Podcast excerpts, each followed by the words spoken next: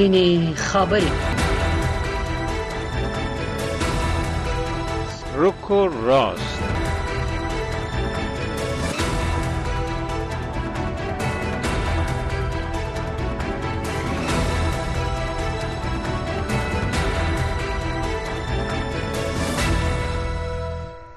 السلام علیکم درنوریدونکو نوريدنكم استلم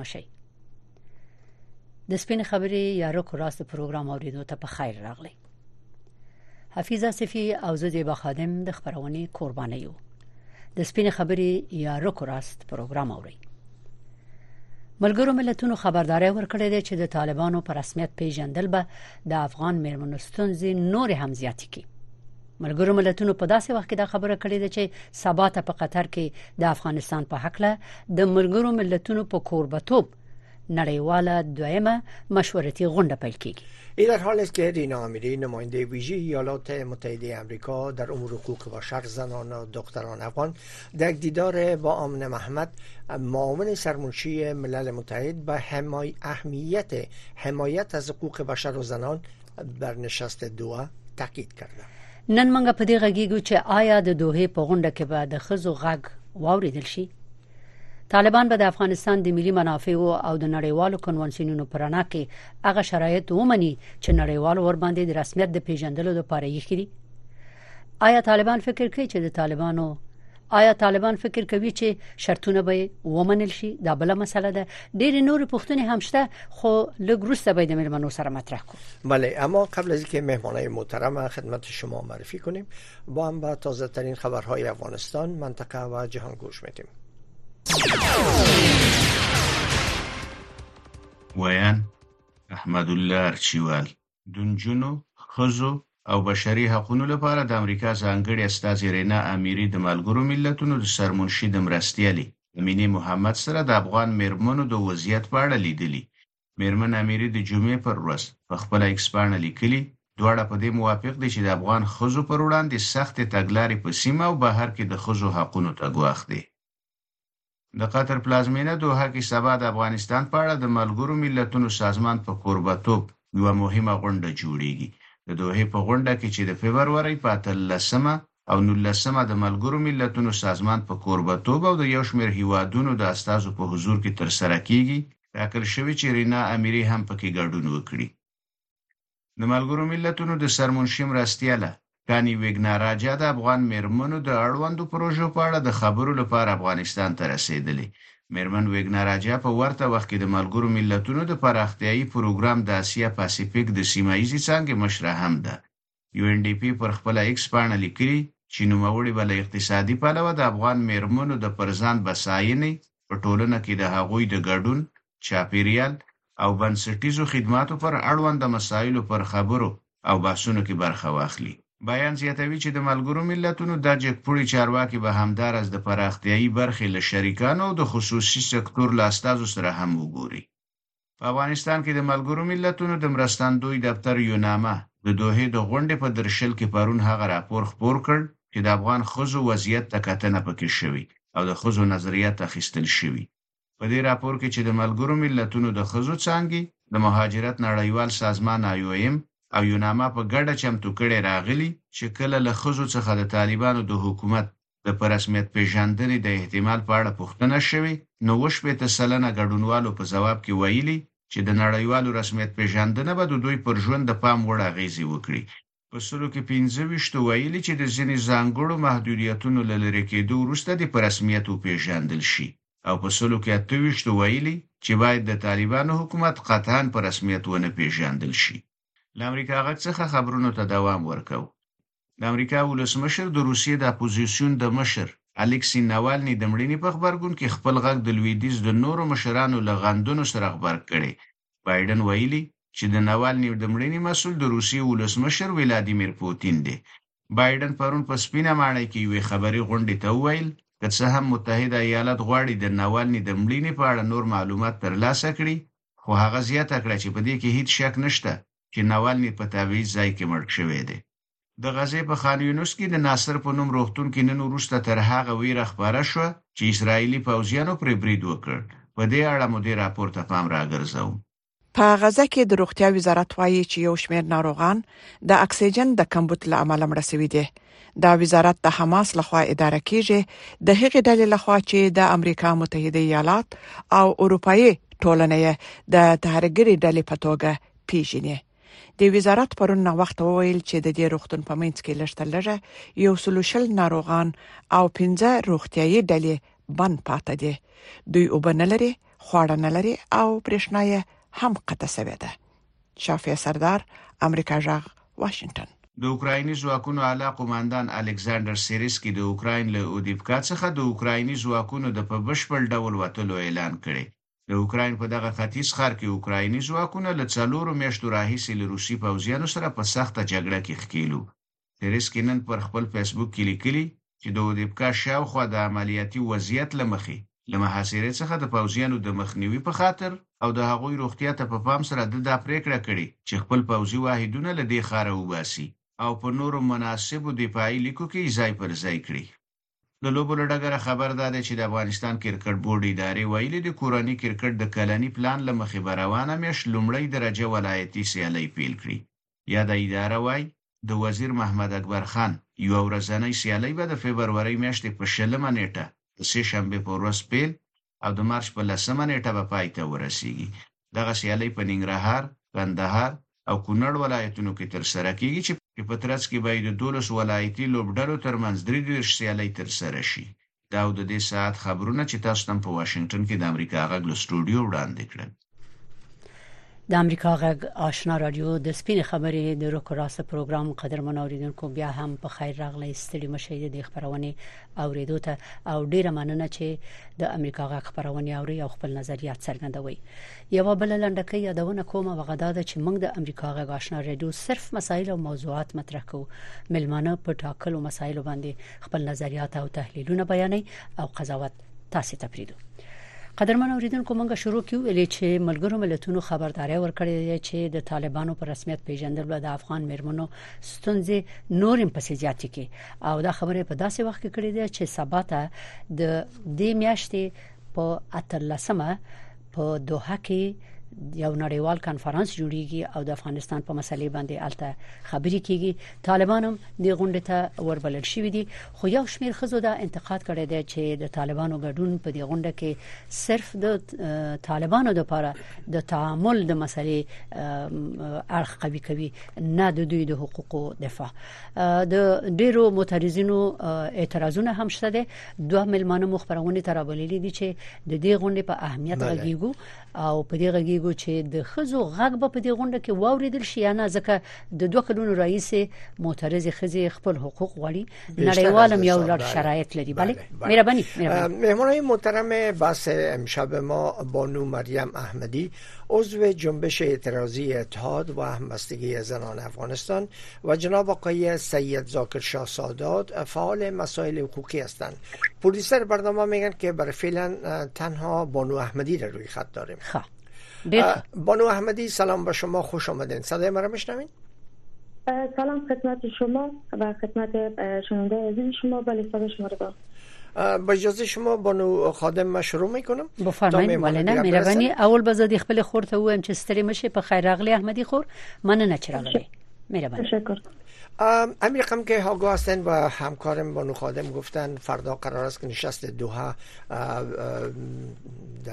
برگزار شود و یک گزارش تازه ملل متحد گفته که اگر در این نشست حکومت طالبان به رسمیت شناخته شوند بحران حقوق زنان تشدید خواهد شد. من می‌خواستم پیش از پیش نظر شما را در رابطه به این نشست و این گزارش ملل متحد گفته که اگر طالبان به رسمیت شناخته شوند بحران حقوق زنان تشدید پیدا می‌کنه بفرمایید. ولی. خب، اول سلام خدمت شما. سوال شما قسمی است که پیش از که مثلا نشاط هنوز برگزار شود و نظر ما رو می‌خواهیم که ببینیم بله، ما بله. نظر ما قسمی است که ما آگاه هستیم و تمام مسائل می‌فهمیم که پیش از که نشست دوها برگزار شود ما خاطری خوش از نشست دوها نداشتیم به خاطر از اینکه ما را به قشقرا بردن وطن ما را به قشقرا بردن. این بارم که از طالبا دعوت کردن و ما را قدر خوشبین نیستیم. به خاطر از اینکه کاری که کشورهای خارجی می‌کنن و سازمان ملل می‌کنه هیچ کس دم از اینا رو گرفته نمی‌دونه اینا فقط مثل استانبول مردم افغانستان می‌برن از طالبا دعوت می‌کنن و از دیگراش ما در خوشبین نیستیم ولی باز هم این به فال نیک می‌گیریم. که خانم را دعوت کردن و در این نشست دو خانمی که دعوت کردن فعلا که پشت پرده هنوز معلوم نیست که از معترضین هیچ کس را دعوت نکردن. قرار بود که حدود شش کرسی را به بانوان افغان بتن اما خب تا هنوز مشخص نیست که اینا چی کسایی هستند درست است؟ فعلا که دو خانم یکی خانم سراج است و یکی خانم شاگل رضایی هستن اونا را دعوت کردن و خانم معترض دیگه که به نام راضیه جان بود. اونا اسمشان خاص داده شده ولی ما نمی‌فهمیم به کدام دلیل. ولی باز هم ما خوشبین به هستیم که خانمایی که رفتن باید از حق ما دفاع کنن. چون اونجا باید یکی از ما خانمایی می بودیم که ما درد و رنج و جسم خود حس کردیم و ما کسایی هستیم که واقعا. در مقابل طالب ما استاد شدیم سختی ها ما کشیدیم و امروز باید صدای ما شنیده شود و از بین ما معترضین باید دعوت شود و ما خانمایی که رفتن ما شخصا خانم سراج کلا ما لابی طالب از اول ما حساب می‌کردیم و فعلا اگر خانم سراج از طالب حمایت کنه و اونجا برای تمام حقیقتایی که ما خانم بهشان میگیم از ما را نمیگن و فقط سفید نمایی به خاطر طالب می‌کنن که قابل قبول ما نیست و ما هیچ وقت قبول هم نمی‌کنیم. تشکر مننه مریم جان احمدی خور.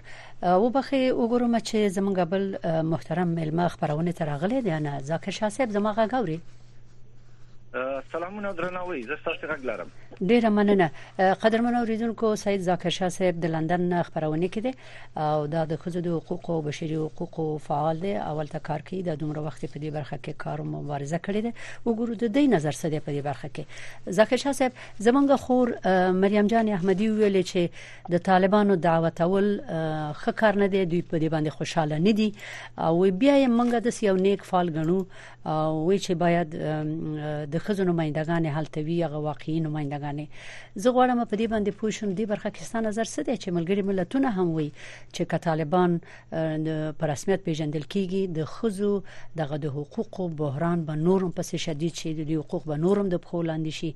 او د خبروندار خبره ده چې ک په افغانستان کې خزي اسنه حقوق نه لري د دې ټولنې آبادی خو به نیمګړی وي کنه؟ د دې ټولنې ټول کارونه خو به نیمګړی وي. ام په نړیواله سطح هم په ملي سطح. تاسو څه وایي په دې کې شک نشته چې د ټولنې نیمه زمونږه خويندې دي زمونږه لورګانې دي زمونږه میندې دي. او هغه ټولنه چې نیمایي بدنې فلج وي په نیمایي بدنې باندې به د پرمختګ جوګان شي. لبلې خوانه د دې حقیقت نه هم سترګې نشو پټولای چې اوسنی حاکمان ولو چې په هر ډول باندې راوستل شول چې موږ تاسو دا غنه انکار نشو کولای. اوسنی حاکمیت په لاس کې ده او د څلور د ولایتونو سر کې په اصطلاح د دوی لاس حکومت چلیږي نو هغه څه نظم چې دوی را مستقره ده د دوی دغه ناکارده یا دغه کړنه چې کم د میرمنو خلاف کوي د تعلیم او کار نه په اصطلاح معنی شي دي دغه ټول په ټول د دې مثبت کړنو باندې هم سیوري اچول دي چې هغه ته هیڅ په نظر د امن ګوري د لپاره چې د ولس د ملي ګټو سره په ټکر کې راځي دا مسله او دا چې موږ وایو چې د دې پکې نه وی او د دې د اهمیت ورنکړی شي دا هم د انصاف نه لږ خبره ځکه ده چې دا یو واقعیت دی د ټولنې دا موږ وګورو کو نه غواړو طالب د امغه ټولنې اوس یو واقعیت باندې بدل شوی دی او د دې انکار نشو کولای او باید هم دې طرف دی چې دوی طرف دی حاکمیت د دې پلاس کړي د دې خبرو تم باید غوږ ونیول شي. لکه دوی هم باید د ولس مشروع خبرو ته غوږ او تمکین دی وکي دا مشروع حقونه زموږ د خويندو دي د موږ د لورګانو دي د دې حق تمکین باید وشي. بل چې هر هغه خور چالتہ اساسيتوب کوي هغه د افغان خور په اساسيتوب کوي. چې هغه مرمن سراج وي چې هغه مرمن رضایی وي باید افغانانو د مشروع حق غوښتنې باندې سترګې هیڅ پټ نه کی او زه باور لرم چې میرمن سراج یو د ملي آن لرونکو میرمنو د جمع ده. او هغه خامخا په دې شی باندې بټینګار کوي. موږ په خپل هم په دې کې آرام نه یو ناست. خامخا دلته او هلته هم د نړیوال سازمان سره هم د اروپאי اتحادیه سره په دې شی باندې بحثونه لرو خبرې کوو. ساده صاحب محترم ساده صاحب محترم.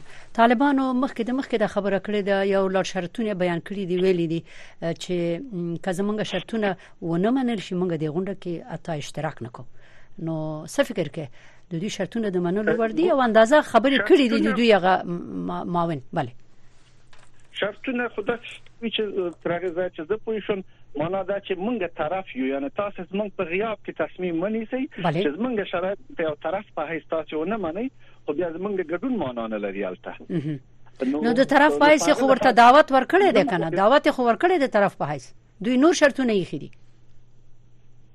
چې په ټولو مسایلو په ټولو مسایلو د افغانستان وای باید موږ سره خبري وشي موږ ته موقع راکړل شي چې زمونږ دلایل واوریدل شي. دا صحیح خبره ده د دلایل اوریدل خدای او منطقي خبره ده. باید دلایل اوریدل شي. کچې ته د افغانستان د ملي ګټو سره په ټکر کې نه وي ولې نه؟ او کچې ته لاس لکه و چې دی لکه د خزو د تعلیم دروازې باندې کړی دا د افغانستان د ملي ګټو سره ټکر ده دا خو بیا د منلو خبره خبرې به شک اوریدل شي. باید اوریدل شي. ډیالوګ ډیر خده دروازې د پرانی جوړته لکه دا په دغه شرط چې اوس موږ خلا په لاس کې چلرونه یو اساسي قانون شتون نه لري چې موږ جناب آقای سادات ببخشید. لږ محال من محال او ګډ محال پروګرام په اساس د وطن مخکې دی او بیا چې دومره غوښتنې لوړ کوي خو خامخا ځان ورته چمتو کړي جناب آقای سادات من یک سوال داشتم از شما بله. جناب آقای سادات با تقدیم سلام خدمت شما. قبل از یک سوال از بانو احمدی بکنیم می‌خواستم از شما بپرسم. در صورتی که طالبان در موقف سختگیرانه خود همچنان باشند و کوچکترین علاقمندی بر آغاز گفتگو نداشته باشند پس فعلا در یک حالت بنبست قرار دارن. درست است برای که طالبان از هیچ از هیچ با وجودی که رقم که شما پیشتر فرمودین یک واقعیت جامعه هست و قدرت به دست دارن که بگمان همین گپ درست است اما وقتی که کوچکترین نرمش یا درهای گفتگو را باز نکنند چگونه یک مذاکره و یک گفتگو امکان پذیر است؟ در حقیقت یعنی در گفتگو را با شرط و شروط گذاشتن خود از این به اصطلاح محدود می سازه بله. اگر طالب های کار را بکنن و یا سازمان ملل و یا هر مرجع دیگه این محدودیت ها را باید به کلی بردارن بله. و در باز دانن و معیار فقط فقط خواسته های مشروع ملت در نظر بگیرن ملت اگر خواسته های مشروع و حق قانونی خود می‌خواه به این گناه ملت نیست. نه طالب باید از این موقف به اصطلاح سوء استفاده بکنه که ملت را در اسارت بگیره و خود را به رسمیت شناختن خود به اصطلاح تثبیت بسازه. و نه جهان باید از این بعد دیگر بله. مجال بتن که ملت در این اسارت به سر ببره. حق قانونی ملت را در هر صورتش باید حاکمای کنونی تمکین بکنه و به خاطر از اینکه تمام کرده های مثبت از اینا هم زیر اثر امیر است که نیم از جامعه را اینا پس ساختن. به سواد نگاه کردن. درهای کار را در مخشان بستند. بله. در هیچ یک جامعه اسلامی در 56 کشور دنیا فعلا هم چیزی وجود نداره در این قرن 21 در این عصر تکنولوژی متاسفانه اینا با بسیار از مسائل در تکر هستند که این اختلاف منافع ملی بله. افغانستان هم واقعی میشه تشکر امین نظر شما را می‌خواستم بانو احمدی در آنچه آقای سادات فرمودن بله. که خب طالبان یک, یک واقعیت کنونی جامعه است و قدرت هم به دست دارند این امکان نداره که اونا را کاملا به اصطلاح در در انزوا قرار بده نظر شما در این زمینه چی است؟ آدم با کسی که مشکل داره با اونمو طرف میشینه گپ می‌زنه. امیال خانما افغانا مشکل با طالبا دارن. امرای طالبا که نشینن در یک مجلس مسئله چطور حل شود؟ بفرمایید بانو احمدی. مدت دو ساله که خانما هر روزه صدا بلند کردن از هر گوشه افغانستان. چرا طالب حاضر نشد که صدای دم خانما رو بشنوه چرا حاضر نشد که همین مردم همین ملت چی می‌خواه امروزی که طالب آمده و به گلونه مردم سوار است. سر مردم چقدر فشار آورده؟ قتل عام می‌کنه. مردم از بین برده وضعیت مردم شما کلتان آگاه هستین می‌بینین از درد گرفته تا آخرین آزادی های از ما گرفته شده. امروز طالب آمده و ما چطور امروز یک گروهی که اصلا نیم جامعه انسان فکر نمی‌کنن و کلا ما را در زندان خانگی حبس کردن. ما چطور بتونیم که گروهی که اصلا وارد گفتگو که بزرگان هم میشن و که سیاستمداران هم میشن که ما چطور اینا وارد سیاست خواهد شدن آمدن که ما گفتگو خواهد کردن این طالبا که چطور ما می‌تونیم امروز اینا از کدام دریچه و از کدام اصلا معذر نیستیم که فعلا امروز اینا به خاطر ظلمی که اینا فرما کردن و به مدت دو سال که ما هرچی فریاد کردیم طالب اصلا صدای ما نشید اما اما بانو احمدی بالاخره راه گفتگو همی هست که خب شما خود نمیشه که در در یک گوشه خود بشینین و اونا هم در یک گوشه خود. چی فکر می‌کنین که راهی که شما پیشنهاد می‌کنین چی هست؟ خیلی گپ نمی‌زنین چی می‌خواین؟ طالب چرا امروز حاضر نشد؟ چرا امروز این از از طالب دعوت کردن چرا حاضر نشد؟ کار صحیح بود؟ طالب نمی‌خواد طالب نمی‌خواد که در گفتگو رو با دیگه اقوام باز کنه. مریم جان مریم جان امی کار صحیح بود که طالب در گفتگو رو باز نکرد. شما خودتان میگین که غلط بود ولی شما باز خودتان رای امی رای غلط شما انتخاب می‌کنین نه؟ نه نه کلا ما رای غلط انتخاب نکردیم. ولی طالب صدای ما رو نمیشنوه. اونا وقتی که زورگویی می‌کنن امروز طالب حاضر می‌شد که نمایندگان از ما خانم‌ها یکی دو تا یک اونجا هستن حداقل صدای ما رو میشنیدن. اینجا میبودن که ما خانم‌ها چی می‌خوایم؟ وقتی که اونا حاضر نیستن که از دیگه اقوام از دیگه مردم حضور داشته باشن و امور صدای ما چی؟ من امروز می‌رفتم در اونجا میبودم چی خانم دیگه کرد ولی صدای ما یک صدا از باید اینا میشنیدن که ما خواهان چی هستیم؟ چرا طالب امروز در نشست دوحه نشست؟ به خاطر از اینکه تمام حقیقتایی که ما خانم‌ها در دست داریم و اسنادی که ما در دست داریم در اونجا در نمایش میگذاشتیم و طالب دیگه راه نداشت و جز از راه فرار که امروز از, از اونجا فرار کرد و رویش به حساب روی نداشت. پیش مردم کنجه نیشش و حقیقت رو مردم برشان برملا میکرد و برشان نشان میداد که قدر ظلم شما بر مردم کردین. از این خاطر پا به فرار گذاشتن و امروز نه نتونستن که در دوحه حاضر شوند. تشکر از شما. ډیر تشکر مریم جان. استاسي نظر واوریدل شو. د امریکا غږ آشنا رادیو درنو ریدونکو د سپین خبري پروګرام لرو. او دوه تنه ملمانه یو خور مریم جان احمدی ده. او بل ملما مو سید ذاکر شاه سادات صاحب ده. دوی دوه خپل نظر په دې برخه کې وړاندې کوي او دغه مسله تحلیلوي او بحث کوي چې د دوه د غونډې نمخ کې چې طالبان ورته بلل شي دي یا شمیر میرمن هم ورته بلل شي دي. او دلته په سو مسلو باندې بحث کیږي. د خزو خبره ده چې د دوی حقوق ته باید درناوی وشي او طالب باید مسؤل بلل شي چې د خزو حقوق تر خلاندې کړي بشري حقوق تر خلاندې کړي دي. او طالبان وایي چې منګه د بل نماینده ته چې د افغانستان د چارو لپاره وټاکل شي. دي ته ضرورت نه لرو او د دې وخت نه دی اوس او دا مسله باید اس مطرح نشي او نه منو ډېر نورې مسلې هم دي چې سیاسي مشارکت دی ځینې نورې مسلې چې د دوه په تړون کې راغلي دي. اتمن به د زنو راپورټونو لپاره په دې مسلو باندې الته بحث کیږي. خو نن زمونږ خبره ده چې طالبان بلل شي دي غونډه ته. خو د خزو د حقوقو له طرفه دا موضوع مطرح شوې ده چې طالبان د پر رسمیت نه پیژندل کیږي. فشارونه د ور باندې زیات شي. په دې دوه کلونو کې رنگارنګ فشارونه وارد شول. ورسته لدی به سره ول فشاري چې د قطر په غونډه کې په دوی باندې وارد شي او کدوې پر رسمیت و نه پیژندل شي د افغانستان د عمومي بحران به حل شي چې یو پکې د خزو د حقوقو نه پیژندل دي د حقوق خزو د حقوقونه سرغړونه ده. د تعلیم او کار مسله ده. ډېر نورې مسلې هم دي په دې بحران کې. بله.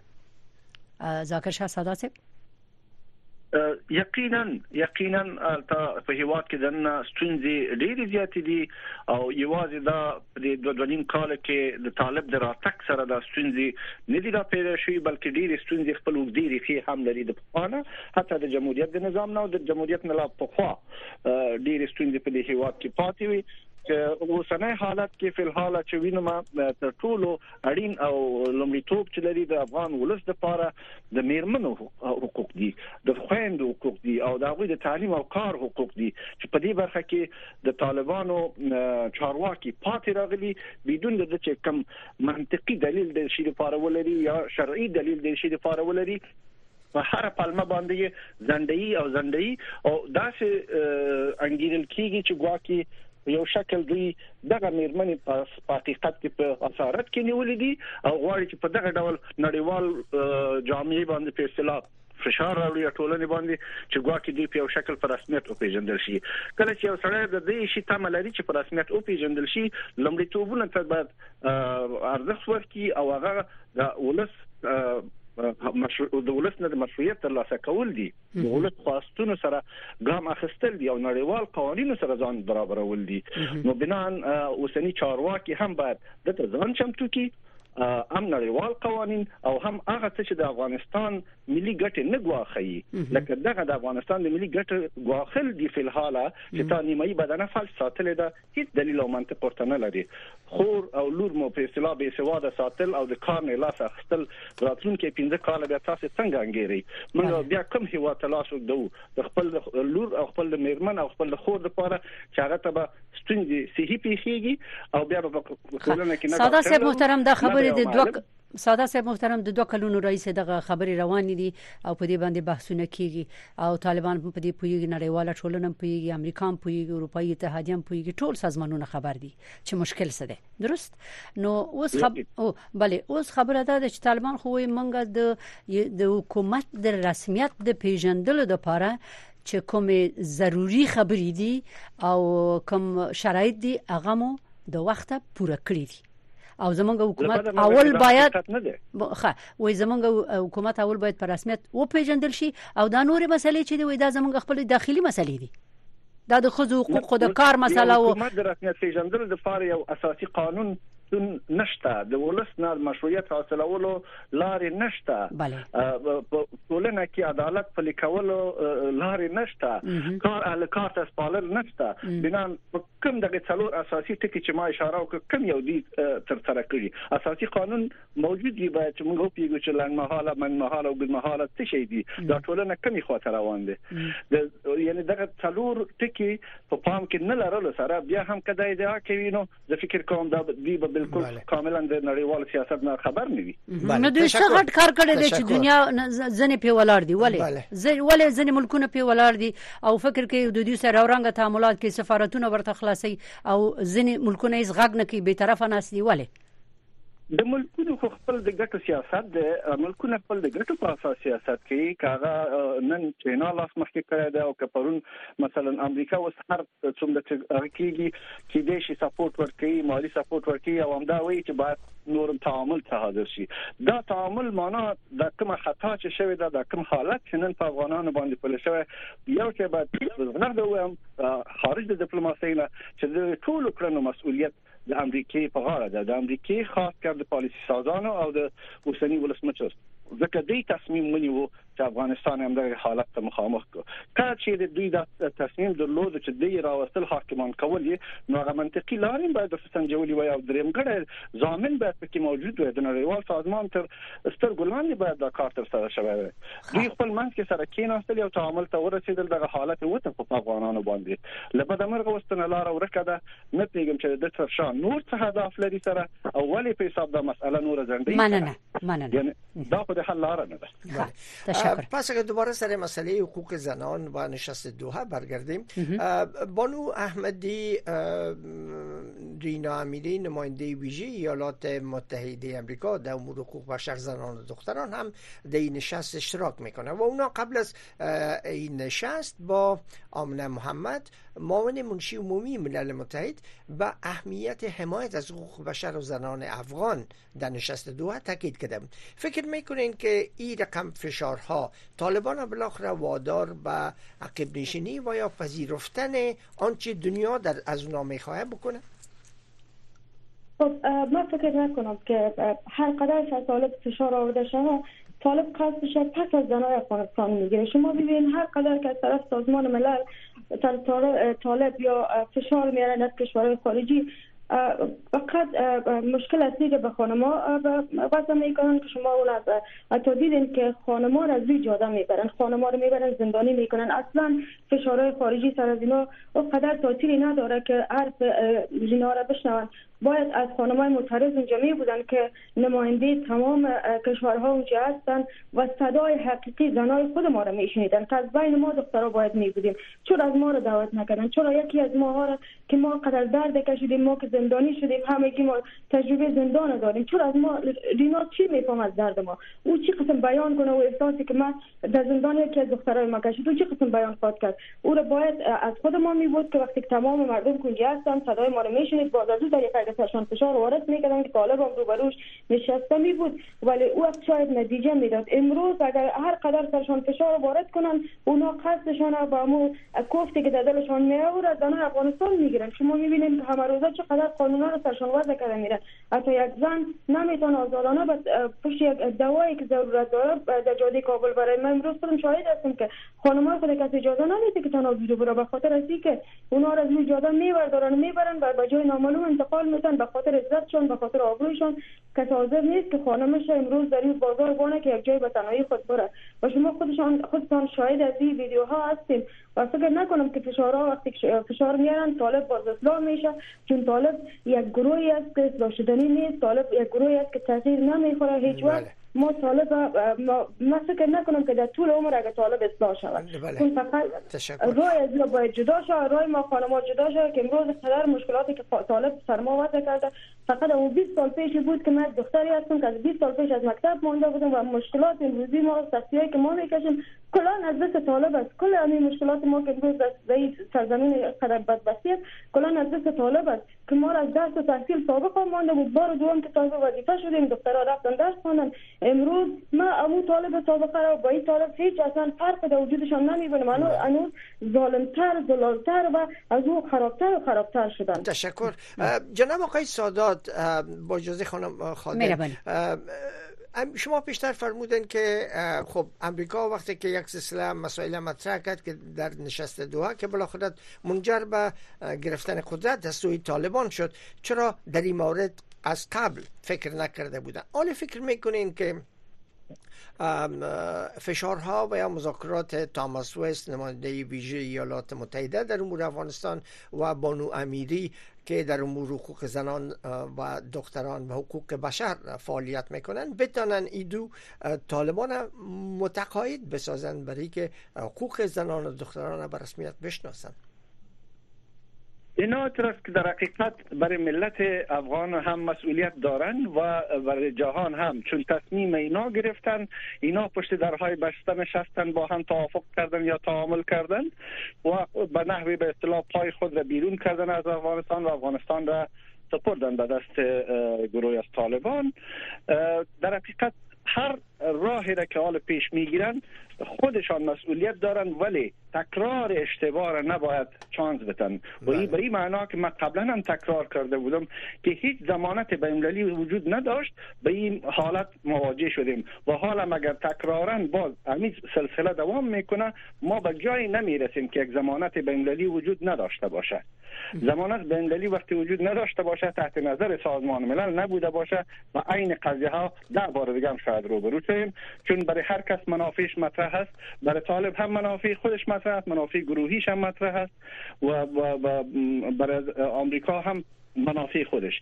این که حال منافع خودش در وجود همین گروه می‌بینه به می حالت فعلا ببینن که نصیحت و وصیت به دیگران می‌کنن که داخل تعامل شوین بدون شک جنگ راه حل منطقی بر افغان ها نیست و تثبیت شد که در جنگ همیشه بازنده افغان ها بوده در طول 45 سال گذشته.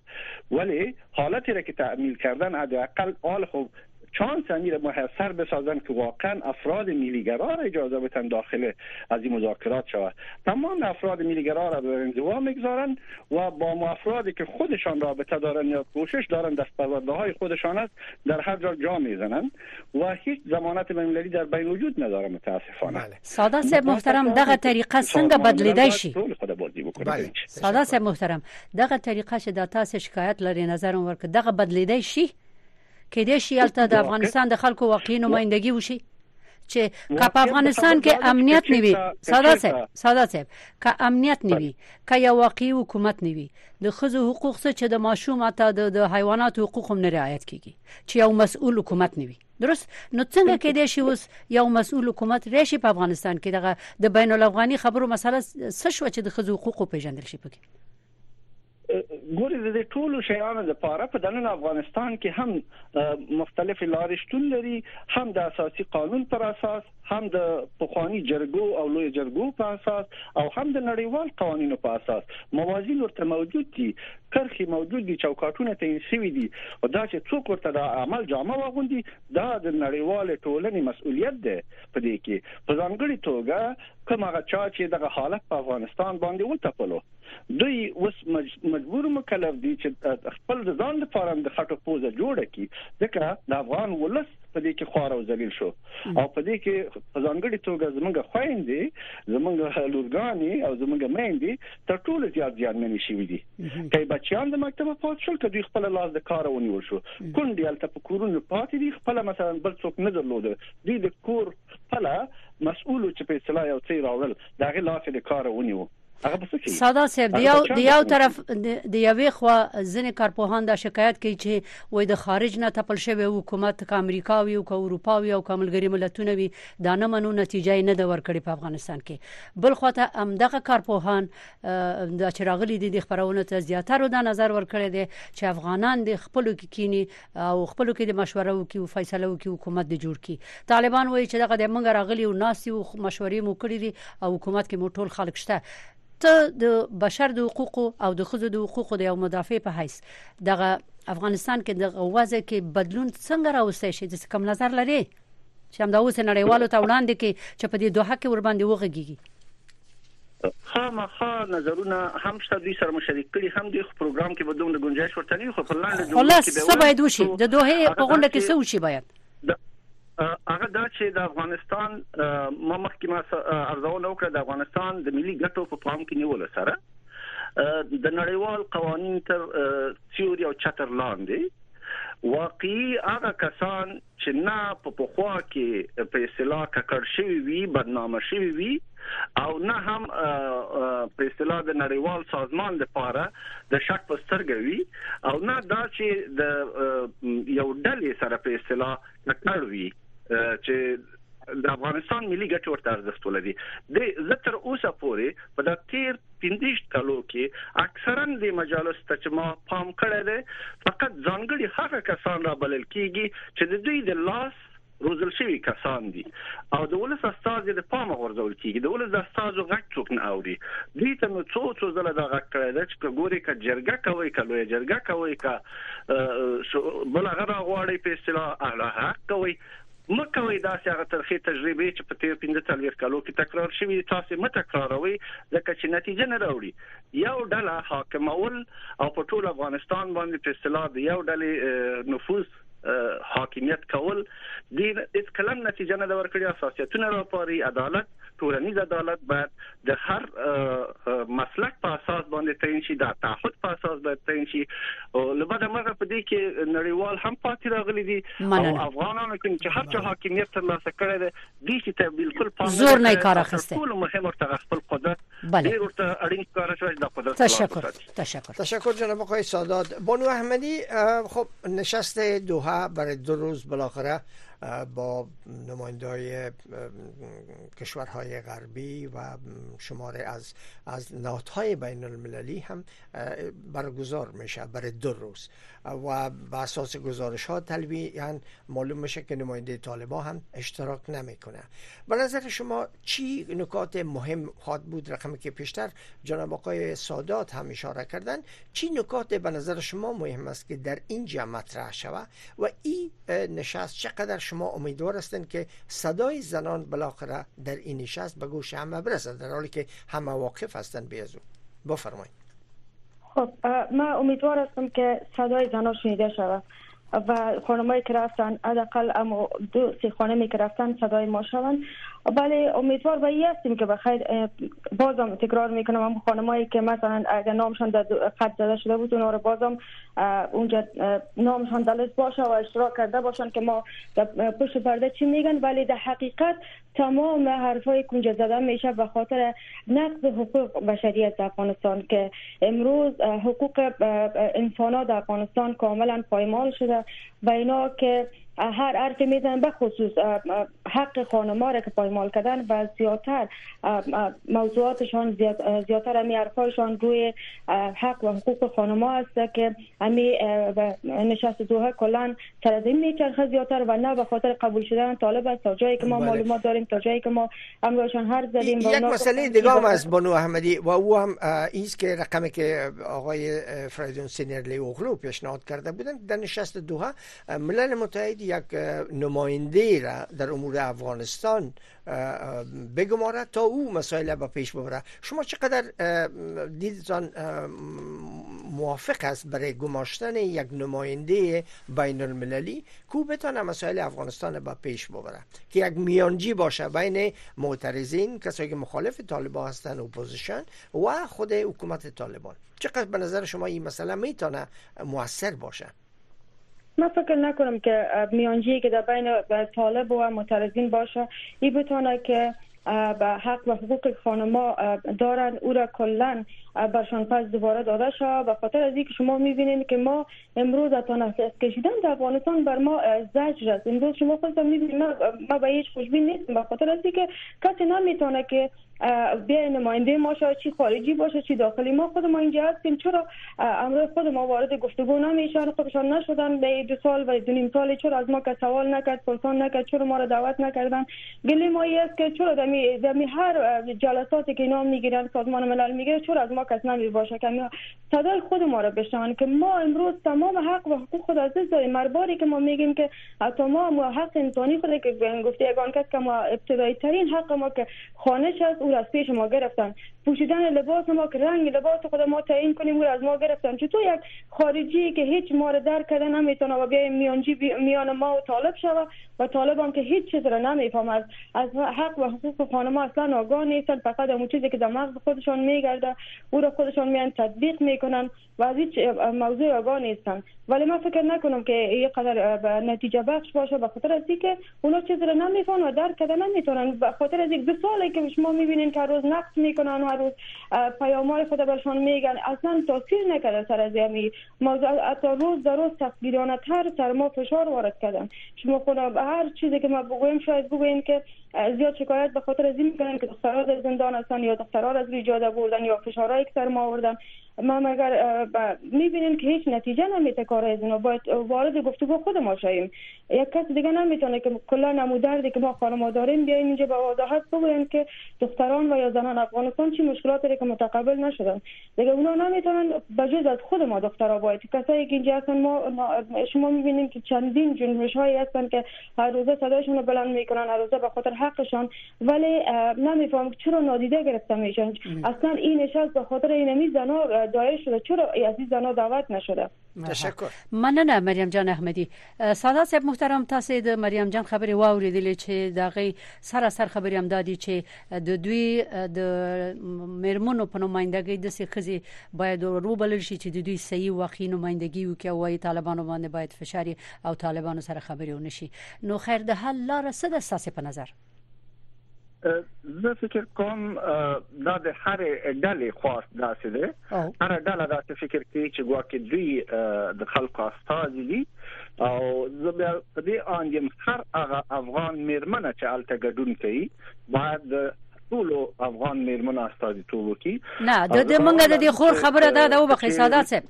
زموږ د دې خور خبره ده ده وای زحمت مونږه غاللې د شکنجه شوی مونږ یو بنديان شوی مونږ یو.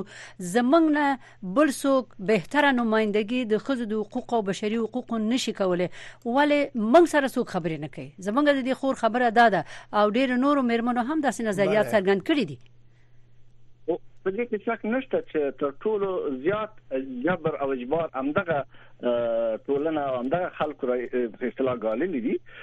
خو ما مخکې مرزونه وکړ په افغانستان کې په نږدې 30 میلیونو انسانانو کې کم تر کمه کدا چې وګڼو چې نیمایي یعنی 60 میلیونه یا 30 میلیونه میرمنې دي نو د 30 میلیونو 30 میلیونو میرمنو په خامخا یو یا دوه کس استاد نه وي خامخا د مختلفو ټولنو نه استاد لري. اوس کچې ته د دوه کس میرمن رضایی یا میرمن سراج البته کې برخه واخستلې ده دا څه خبره ده؟ خو چې دوه نورم پکې اضافه شي څه پروا کوي د دې هم د ګلي هم په ځای شي او هغه اقل هغه ټولنه کې د هیله او امید پیدا شي چې ګواکې واځي دوه استاد نه دي بلکې د مختلفو لیدلورو نه د مختلفو ټولنو څوک استازیتوب کوي دوی هم پکې ګډون لري او تر ټولو اړینه خبره دا ده چې دغه ډیالوګ باید دوام ورکړي شي ترڅو نتیجه واخیستل شي دا په دې معنی نه چې نن لکه یو مخکې اول لګاو یو چې ته بیا میاشتې میاشتې تیر شي بیا دا غي نتایج معلوم نه دي بیا یو شپږ میاشتې پاس بیا یو بل خبر راوځي ټول اکثره تر اوسه پورې چې به نتیجې پاتې فهم دي چې پاتې اقدامات نکېږي په دې برخه کې او متداوم نکېږي د ته بعد دوام ورکړي شي او پریکوند پریکړه پی باید وشي بله. فقط 6 دقیقه به ختم برنامه مونده. بانو خودم با اجازه بله. شما برنامه رو جمع بندی میکنیم. بله. بر میمان محترم فقط 3 دقیقه وقت میتیم حرف آخر خود بزنه. با بانو احمدی شروع میکنیم. بانو احمدی الان چه که گفته آمد چنانچه آنچه شما گفتین و جناب آقای سادات فرمودن این نشست برگزار میشه. یکی از مسائل عمدهش هم مسئله بانوان است حقوق بانوان با گفته بانت روبین یکی از تحلیلگرای امور افغانستان که چند قبل بر رادیو تلویزیون آشنا صدای امریکا صحبت کردن گفتن به هیچ وجه در این نشست به نظر از اونا مسئله بر رسمیت شناختن طالبان نیست بلکه گوش می‌کنن رای حل و گفتگو را پیدا کنن می‌خواستم در آخرین دقایق برنامه نظر شما را در این مورد بفرمایید. دو دقیقه وقت داریم. تشکر از شما و از برنامه بسیار خوب شما که همیشه شما صدای زنان افغانستان بودین.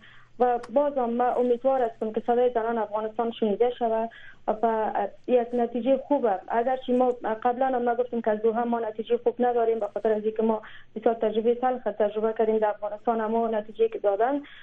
و فعلا امیدوار هستم که بازم یک راه خوبتر و بهتری به مردم. افغانستان پیدا شود کلان به تمام مردم ولی زیادتر به خانمای افغانستان که امروز تاکید از این نشست زیادتر سر زنان افغانستان است که از حقوقشان محروم شدن و امیدوار هستم که یک نتیجه خوب بدن. اگر چی که اگر خود من می‌فهمم که خانم سراج اونجا رفتم بازم تلویزیون اینجا بساطیر نکنه. او همیشه خانم سراج از طالبان سفید نمایی می‌کنه و حرفای ما را ما مطمئن هستیم که در اونجا چیزی که ما می‌خوایم بگوییم کسی نیست که صدای ما رو اونجا برسانه و بر از اونا بگوید که دخترها و خانمایی که انتقاد دارن و یا معترض هستن و به ضد طالب هستن اونا چی می‌خواین؟ ولی برعکس حرفای بسیار خوب سفید نمایی را خاطر اینجا گفتن به خاطر از اینکه ما می‌فهمیم که خانم سراج طرفدار طالب است. فعلا همیشه از طالب از طالب طرفداری کرده و لابی طالب کرده و چندین جاها که خود ما شاهد تو هستیم. ولی باز هم ما امیدوار هستم که یک نتیجه خوب این بار بته و اما حق و حقوق خانم که حداقل در نظر گرفته شود و به راه خوب و به Mm-hmm. سرزمین آزاده ما را پیدا کنیم و دوباره ما بتانیم بریم به مردم خود خدمت کنیم به مسئله خدمت کنیم. تشکر. ډیره مننه تاسو نه خانم سراج نشته چې هغه خپل دلایل وړاندې کی. او تاسو خدای دې چې تاسو په خوخه هغه خزه د کانفرنس ته وبلل شي چې تاسو فکر کوئ د خزو خنومایندګي کول شي. موږ په دې انتظار یو او خبر بشو چې څوک څوک ورغلي او څوک تل اشتراک لري. د تبلګ انتظار وبس مریم جاني بیرته ساده سیب تاسو ترازو ستمه توقع لري د دې غونډې نه چې ځینې مسلې به کې حل شي یا نه د دوه په کانفرنس کې.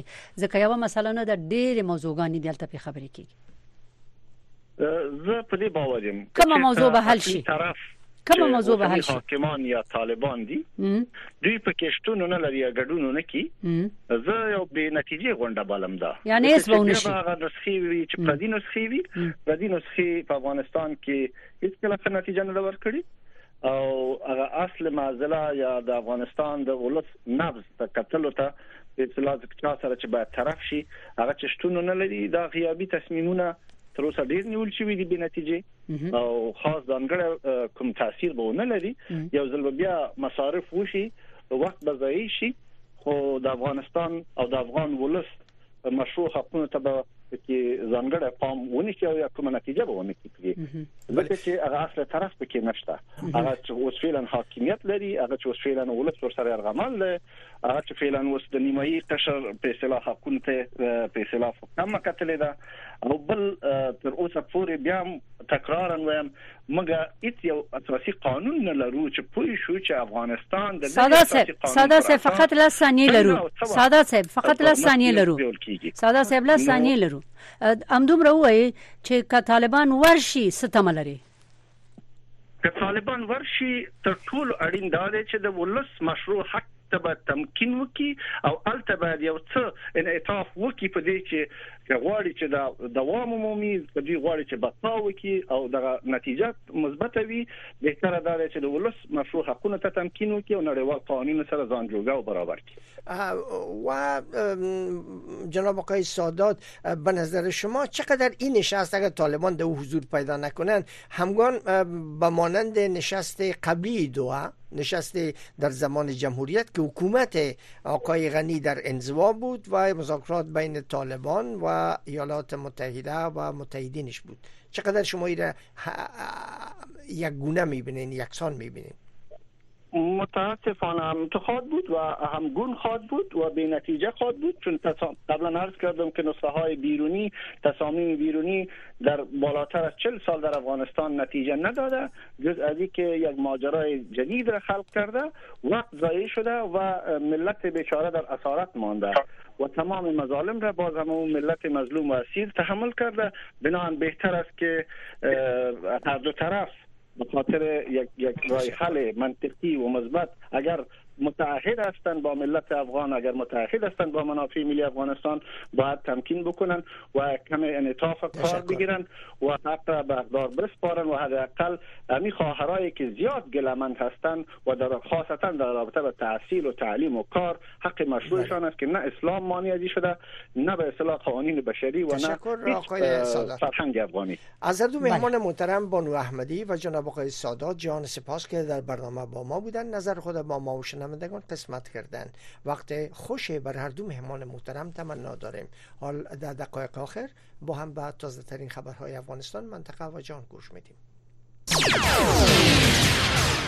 سلام وقت شما بخیر. رویا زمانی هستم با تقدیم مشروع خبرهای این ساعت. وزارت خارجه پاکستان در واکنش به اظهارات معین وزارت خارجه حکومت طالبان در مورد خط دیورند می‌گوید که طالبان با چنین ادعاها از آن عمومی را از نگرانی های امنیتی اسلام آباد منحرف نسازند. شیر محمد عباس استانکزی معین سیاسی وزارت خارجه حکومت طالبان به تازگی گفته است که افغانستان هیچگاه خط دیورند را به رسمیت نشناخته و نمی‌شناسد. در واکنش به این اظهارات ممتاز زهرا بلوچ سخنگوی وزارت امور خارجه پاکستان در اعلامیه گفته است که هر گونه ادعای خودخواهانه و واهی در مورد قانونی بودن و مقدس بودن مرز پاکستان و افغانستان نمی‌تواند حقایق جغرافیایی تاریخی و حقوق بین الملل را تغییر دهد. او به طالبان توصیه کرد که به جای تلاش جهت انحراف اذهان عمومی با چنین اظهارات به نگرانی های امنیتی واقعی پاکستان رسیدگی کنند. در آستانه برگزاری دومین نشست درباره افغانستان به میزبانی ملل متحد در دوحه پایتخت قطر. شمار از زنان افغان می‌خواهند که زمینه گفتگوی مستقیم میان نمایندگان زنان و کشورهای اشتراک کننده در این نشست فراهم شود. جنبش آزادی بخش زنان افغانستان امروز شنبه 17 فبروری با نشر اعلامیه گفته است که احتمال دارد در این نشست جامعه جهانی در کلیت نگرانی ها و دیدگاه های خود را در مورد افغانستان مطرح سازد و زنان دستچین شده مطالبات را که تا کنون کسی به آن توجه نکرده بیان خواهند کرد. اما این جنبش تاکید کرده است که اگر ملل متحد می‌خواهد نشست دوحه مسیریت و نتیجه بخش باشد باید از اقشار مختلف اجتماعی افغانستان به ویژه های زنان در این نشست دعوت شوند. انستیتوت جورجتاون برای زنان صلح و امنیت می‌گوید که نبود شفافیت در دستور کار و اهداف نشست ملل متحد در دوحه سبب سردرگمی شده و این نگرانی را به بار آورده است که مبادا جامعه جهانی با عادی سازی روابط با طالبان نزدیکتر شود و زنان و دختران را پشت سر بگذارد. این انستیتوت وقت روز جمعه با نشر اعلامیه گفته است که دومین نشست ملل متحد بر اساس ارزیابی مستقل اما کننده ویژه این سازمان در مورد چالش چالش های بحرانی اقتصادی بشر دوستان و سیاسی فرارای افغانستان در 18 و 19 فبروری با حضور نمایندگان ویژه کشورها برای افغانستان در دوحه برگزار می شود. خبرهای منطقه و جهان را از زمواج رادیو آشنا صدای امریکا میشنوید صبح امروز شنبه دود بر فراز باریکه غزه در حال بلند شد که اردوی اسرائیل به عملیات خود در منطقه تحت جنگ ادامه داد. به اساس گفته های مسئولین شفاخانه و اقارب قربانیان در اثر دو حمله هوایی اسرائیل در یک شبانه روز به شهر رفح کم از کم 13 نفر از جمله نو عضو یک خانواده کشته شدند. جو بایدن رئیس جمهور ایالات متحده باری دیگر به بنیامین نتانیاهو صدر اسرائیل نسبت به ادامه عملیات نظامی در شهر رفح در غزه هشدار داد که اسرائیل بدون برنامه درست و قابل اجرا برای حفاظت از حدود یک میلیون و چهارصد هزار فلسطینی دست به عملیات می‌زند. از سوی دیگر جوزف بورل نماینده اتحادیه اروپا گفته است که این اتحادیه از اسرائیل می‌خواهد که از اقدام نظامی در رفح خودداری کند زیرا این عملیات فاجعه بشری از قبل را بدتر می‌سازد. از سوی هم وزارت صحت غزه امروز شنبه اعلام کرد که از هفتم اکتبر به این سو کم از کم 28 هزار 858 نفر در جریان جنگ میان شبه نظامیان حماس و اسرائیل در قلمرو فلسطین کشته و 68667 نفر نیز در غزه زخمی شدند.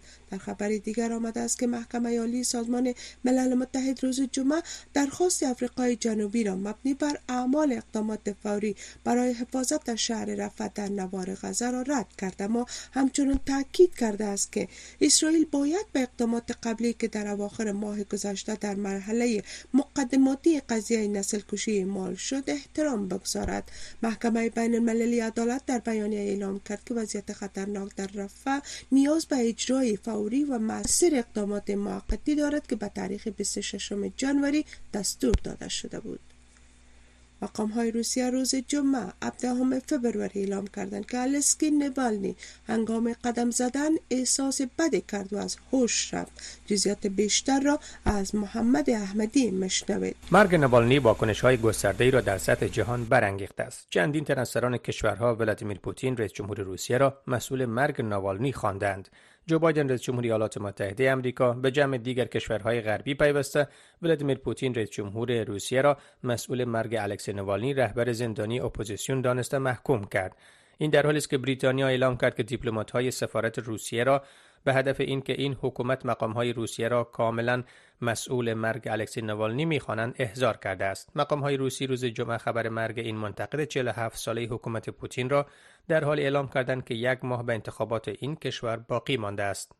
در ادامه خبرها ولادیمیر زلنسکی رئیس جمهور اوکراین امروز شنبه گفت که آماده است از دانالد ترامپ رئیس جمهور سابق آمریکا در اوکراین پذیرایی کند و با او به خط مقدم جنگ برود زیرا تصمیم گیرندگان کمک به اوکراین باید به چشم خود ببینند که به گفته وی جنگ واقعی چیست نه از طریق اینستاگرام. زلنسکی در کنفرانس امنیتی منشن در پاسخ به سوال در مورد روابطش با نامزد جمهوری خواه در قصر سفید گفت که کیف مایل است با همه نامزدها در مورد شریک ساختن اطلاعات واقعی همکاری کند. روابط ترامپ با زلنسکی از زمانی که رهبر اوکراین در اولین استهزای ترامپ در سال 2020 نقش اساسی داشت تیره شده است. و سارانوالان فرانسه گفتند که پلیس آن کشور امروز شنبه مردی را پس از آن از پا درآورد که با یک ساتور گوشت آنان را تهدید کرده بود. تحقیقات پلیس تا حال نشان داده است که این مرد سودانی در سال 1984 تولد شده و هیچ سابقه جرمی نداشته است. او زمانی در شرق پاریس توسط پلیس مورد تعقیب قرار گرفت که ملبس به لباس های عربی و در دستش ساتور و یادداشت به زبان عربی نیز با خود داشت. این بود مشروع خبرها تا این لحظه. از امواج رادیو آشنا صدای امریکا.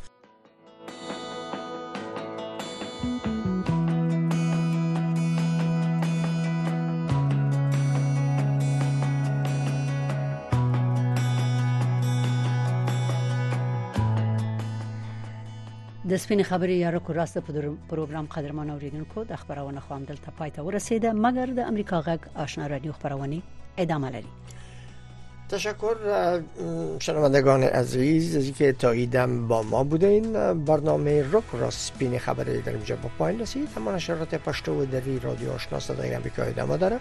برنامه بعدی ما نن او وضعیت است که همکار ما بانو زیبا خادم را به پیش می‌برند گرداننده برنامه ما هستند شنونده رادیو آشنا باشین. دیرمانه ناسفیزه تشکر شما.